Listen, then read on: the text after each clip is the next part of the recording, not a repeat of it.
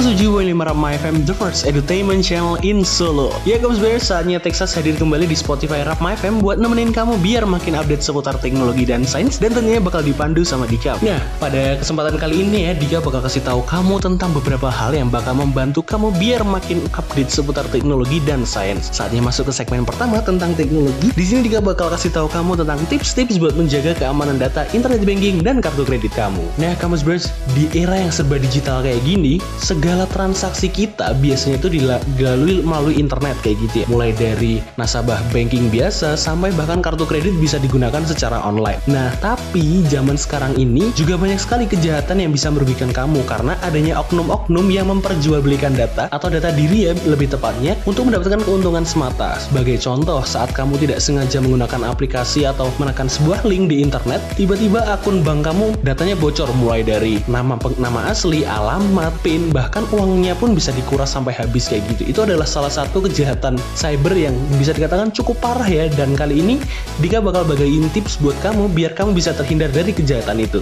Yang pertama, jangan sampai kamu mengakses atau melakukan transaksi melalui website atau aplikasi atau email yang tidak dikenal dan memiliki permintaan akses yang berlebihan dari aplikasi. Seperti yang kita ketahui, biasanya pengembang dari bank itu sendiri ya punya aplikasi yang resmi dan punya link website yang resmi. Sebisa mungkin hindari link-link yang tidak ada hubungannya dengan bank tersebut. Sebagai contoh, saat kamu mendapatkan email yang berisi iming-iming atau promosi mendapatkan hadiah uang ratusan juta, kemudian kamu diminta untuk mengklik sebuah website. Nah, sebaiknya kamu menghindari untuk klik website tersebut karena bisa-bisa nanti akses yang berlebihan itu ada untuk mengakses informasi kamu, mulai dari data pribadi, kontak, bahkan lokasi kamu bisa didapat. Nah, jadi pastikan kamu untuk mengakses website atau aplikasi terpercaya dan melakukan transaksi itu yang 3D secure. Dan saat kamu menginstal aplikasi, jangan lupa aplikasi di handphone pun juga rawan untuk disusupi backdoor atau istilahnya bisa dimasuki virus. Jadi sebisa mungkin membatasi akses buat melakukan transaksi di handphone kamu. Intinya jangan mengizinkan semua akses lah seperti itu. Dan tips yang kedua, ganti PIN dan kode akses secara berkala. Nah, PIN dan kode akses ini adalah salah satu ibaratnya senjata atau tameng kamu agar penjahat cyber ini tidak membobol data kamu. Solusi yang paling mudah, kamu cukup mengganti PIN dan kode aksesnya secara berkala. Ya, minim-minim 1 sampai 2 bulan sekali lah ya, biar si peretas ini mungkin lebih ke arah apa ya? Waduh,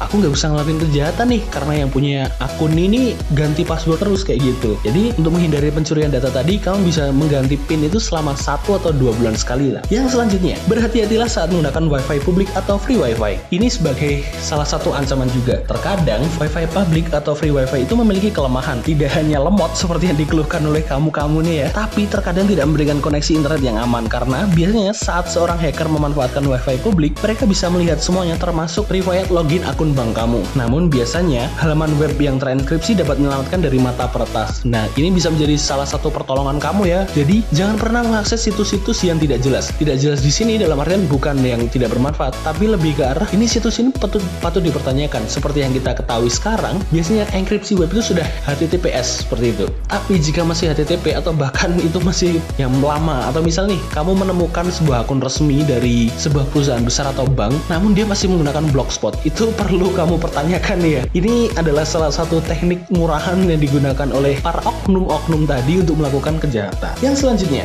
hindari login otomatis. Ini biasanya adalah salah satu kelalaian dari kita ya sebagai manusia yang sudah dimudahkan dengan sistem digital. Kita tuh terlalu malas gitu kayak misal untuk memasukkan ulang username sama password kita kayak gitu. Padahal dengan memasukkan username atau password kita itu membuat kita tuh sedikit lebih aman karena kita tiap hari itu melakukannya dan jangan lupa Tambahan dari tips kecil ini tadi adalah menghapus history atau lebih baik kamu menuju mode incognito atau mode penyamaran seperti itu. Jadi history kamu tuh bakal terhapus secara otomatis. Dan hindari saja login otomatis tadi karena biasanya login otomatis ini rawan saat kamu tiba-tiba tidak sengaja menekan iklan atau website yang bisa mencuri data-data riwayat kamu. Nanti takutnya malahan akses-akses tentang akun bank kamu bisa bocor seperti itu kamu brainers. Dan yang kelima, gunakan aplikasi mobile banking. Nah, ini sebenarnya bukan promosi tapi lebih ke arah kepercayaan ya. Karena biasanya tiap bank itu punya aplikasi mobile bankingnya sendiri-sendiri. Dan tentunya dengan fitur yang berbeda-beda. Dan kurang lebih sama lah ya. Kayak ya paling bedanya mungkin ada di bagian pelayanan atau tampilan menu seperti itu. Tapi pastikan kalau kamu ingin bertransaksi secara aman dan tidak bisa datang ke bank secara langsung dan kamu harus melakukan sistem digital menggunakan aplikasi adalah bisa dikatakan sebagai salah satu cara teraman. Karena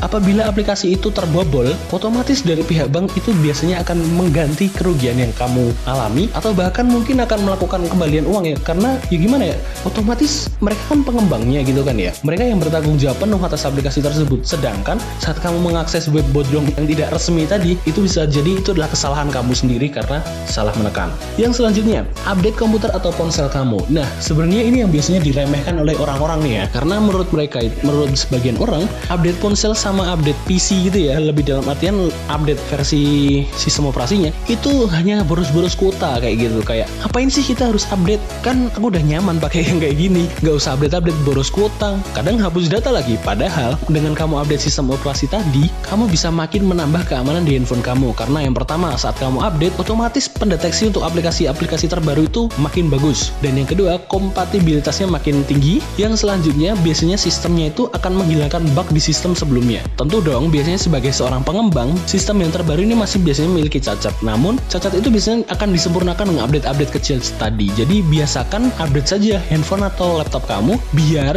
kamu bisa terhindar dari bug atau virus yang mengancam handphone kamu yang belum bisa diselesaikan di sistem operasi sebelumnya. Yang selanjutnya amankan perangkat seluler kamu. Karena ini biasanya terjadi pada mobile banking kamu tentunya saat memiliki sebuah ponsel baik itu Android maupun iOS harusnya kamu tetap melakukan perlindungan diri. Dalam artian kamu bisa memasang PIN atau password lah saat ingin mengakses handphone kamu. Jadi tidak sembarangan orang bisa mengakses. Mengingat handphone isinya adalah privacy kita semua. Nama nama kontak itu terutama dan juga isi percakapan isi percakapan di media sosial atau bahkan riwayat transaksi kamu itu tidak boleh diketahui oleh siapa pun. Karena kembali lagi privacy itu adalah keamanan terbesar kamu di, dunia maya kayak gini ya. Jadi ayo kita hargai privasi kita, kita juga hargai privasi orang lain seperti itu. Yang selanjutnya, mereview berkala semua mutasi dan transaksi. Jadi gini, setiap kali kamu melakukan mobile banking biasanya kan ada terdapat receipt atau biasanya apa ya, nota kayak gitu ya. Nota tapi dalam artian nota digital atau riwayat transaksi lah. Nah, kamu jangan malas-malas untuk selalu mengecek riwayat transaksi kamu. Bener nggak sih aku ngeluarin uang segini? Bener nggak sih aku ngambil uang segini kayak gitu? Jadi, biar untuk menghindari tiba-tiba ada uang goib yang hilang dari kamu. Misal kamu punya tabungan 10 juta kamu gunakan untuk belanja 2 juta eh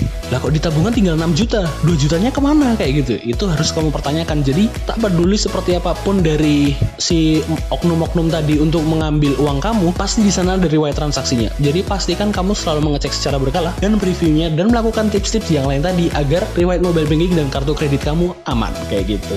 Oke saatnya masuk ke segmen size nih ya. Jadi di sini Dika bakal kasih tahu kamu tentang salah satu fakta unik nih ya seputar ikan badut. Seperti yang kita ketahui, ikan badut ini sudah dikenal nih ya terutama di dunia sains bahwa yang semua terlahir ikan badut itu adalah jantan. Gimana nih cara reproduksinya? Padahal kan dia jantan. Ketemunya juga jantan.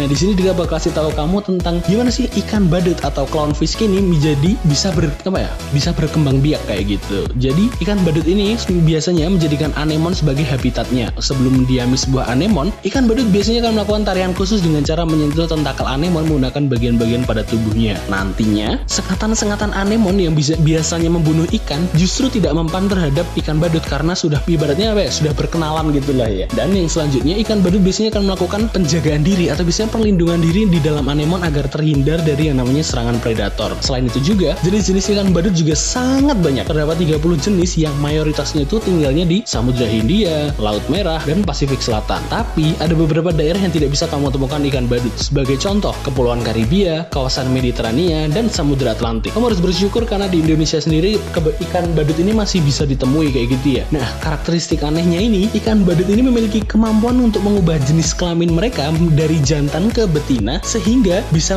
bereproduksi untuk menghasilkan keturunan-keturunan yang baru. Nah, jika sudah seperti itu tadi, biasanya salah satu ikan badut akan makan lebih banyak dan yang menjadi terbesar di, di ukurannya di kawanannya kayak gitu ya. Jadi, misal nih ada 10 ikan badut jantan, kemudian yang salah satu ini memperbesar tubuhnya sampai gede banget. Nah, nantinya yang paling gede inilah yang nanti akan berubah menjadi betina. Nah, setelah menggendut nih ya dan secara naluriah berganti jenis kelamin, ikan badut betina ini akan memilih jantan yang terbesar dan menurutnya tubuhnya tuh paling kekar kayak itu. Aduh, gimana ya kayak ini udah kayak ajang cari jodoh yang take me out kayak gitu ya. Aduh. Jadi setelah ini ya si betina ini dapatkan si jantan yang cocok, akhirnya mereka pun membuahi telur-telur yang sangat banyak. Biasanya kenapa kok ikan badut itu telurnya yang sangat banyak? Alasan simpelnya adalah menghindarkan telur-telur ini untuk terbunuh oleh predator. Jadi misal nih melahirkan 1000 telur, telurnya yang diserang predator itu sekitar 200. Otomatis masih ada 800 lagi telur yang bisa hidup. Sebagai contohnya adalah adalah salah satu film kartun dari Disney gitu ya yang menceritakan tentang ikan badut dan itu adalah fakta. Dan yang selanjutnya, selain berguna untuk menghindarkan anak-anaknya dari yang namanya predator, ikan Nemo jantan biasanya juga memakan telur-telur tersebut apabila stres, kekurangan makanan atau kondisi telurnya memang tidak sempurna. Jadi ikan badut ini bisa dikatakan sebagai kanibal juga ya karena dia tidak memikirkan bahwa dia itu adalah anaknya tapi dia ya makan-makan aja lah kayak gitu dan nantinya saat telur sudah menetas tugas orang tuanya pun maka selesai bayi-bayi ikan badut akan terbawa arus dan melanjutkan perjalanan masing-masing sampai dewasa. Waduh ini kayak apa ya? Anak-anaknya itu udah survive begitu mereka keluar dari telur kayak gitu. Dan ini merupakan salah satu insting alami yang dimiliki oleh para ikan badut tadi. Dan mungkin itu aja informasi seputar teknologi dan sains dari Dika. Buat program Texas minggu ini sampai jumpa minggu depan. Semoga bermanfaat. Akhir kata terhormatlah bagi yang berprestasi dan berprestasilah dengan tetap menjaga kehormatan. Dika pamit. See ya kampus brainers